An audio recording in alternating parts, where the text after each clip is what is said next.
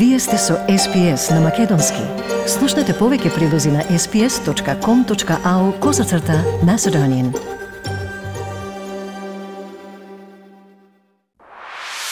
Вашата заедница, вашите разговори. SPS на Македонски. You're listening to SBS Macedonian with Margarita Vasileva. In today's podcast, we chat with Susan Gianevsky, a well respected health educator for women and an active participant in networking for women with qualifications in both education and natural medicine. Susan Gianevsky has recently published her third book titled Be an Organic Woman, in which she draws from her already organic roots, having been raised by her maternal grandmother, who ran an impeccable organic vegetable garden. Throughout the 150 pages of Be an Organic Woman, Susan Gianevsky stresses the importance of going organic in everything we do, especially at a time when supermarkets and fast food outlets are competing hard for our attention. Gianevsky also highlights the need to make healthy choices from the food we swallow to the concoctions we use to clean our homes. She also points out that eating simply and organically is eating clean, which makes for a much better investment in our health for the long term. SBS SBS SBS SBS SBS SBS Radio. Thank you, Margarita. I'm very passionate about living a life and sharing my inspiration about being an organic woman with every woman I meet. Because as a young girl I was brought up by my grandmother who very much lived um, and grew all her own vegetables but used to share all her little secrets on how to prepare very clean, I look back now, it was clean eating. And at the time it felt, you know, people say that was basic, but it's the clean that is basic that we need more of today, all those years gone by. How easy is it to be organic today? Well, it's very easy if we become mindful of everything that nature gives us.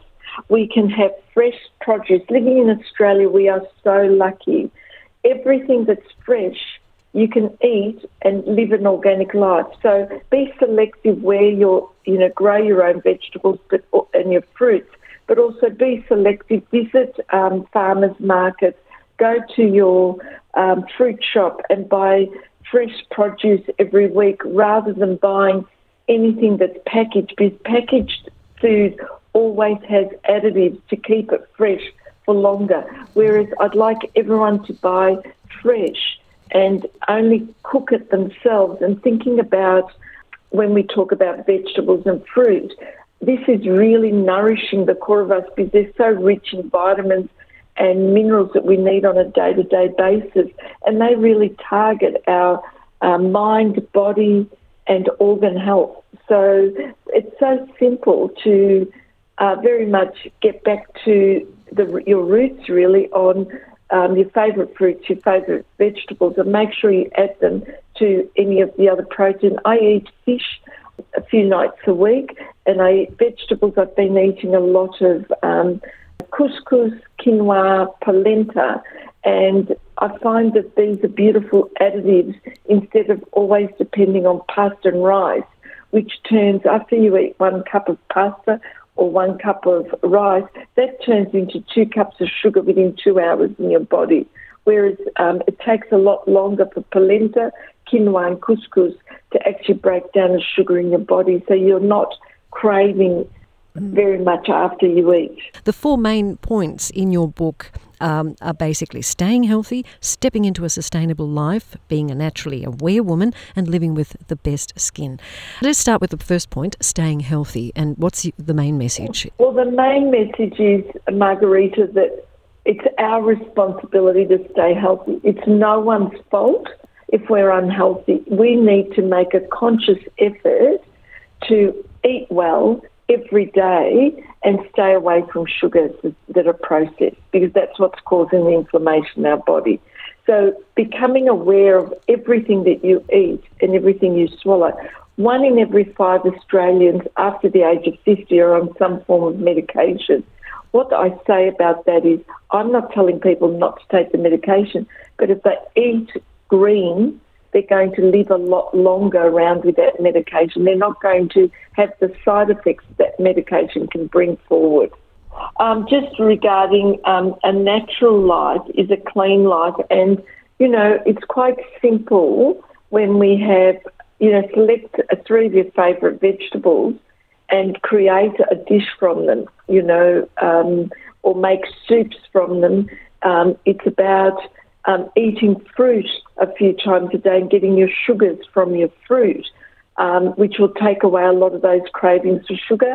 I also encourage people to eat nuts like walnuts, and if you're eating almonds, soak them the night before because they're far too hard, and sometimes that skin can actually build. You know, we need to soak them to soften them, but walnuts rich in potassium in particular.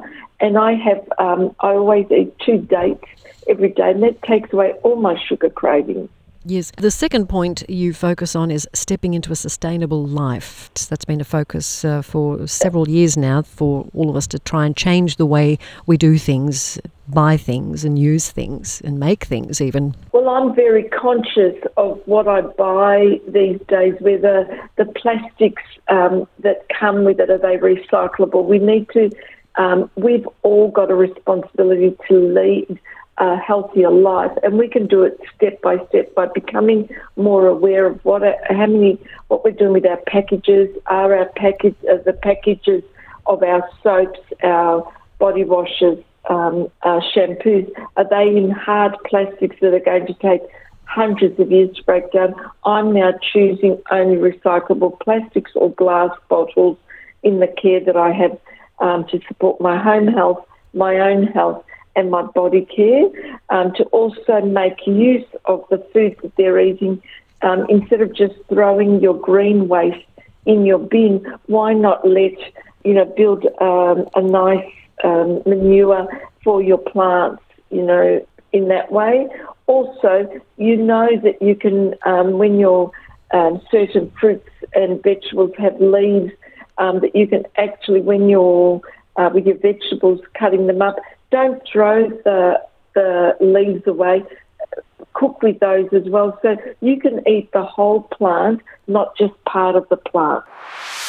SBS на Македонски. Споделете ги нашите приказни на Facebook.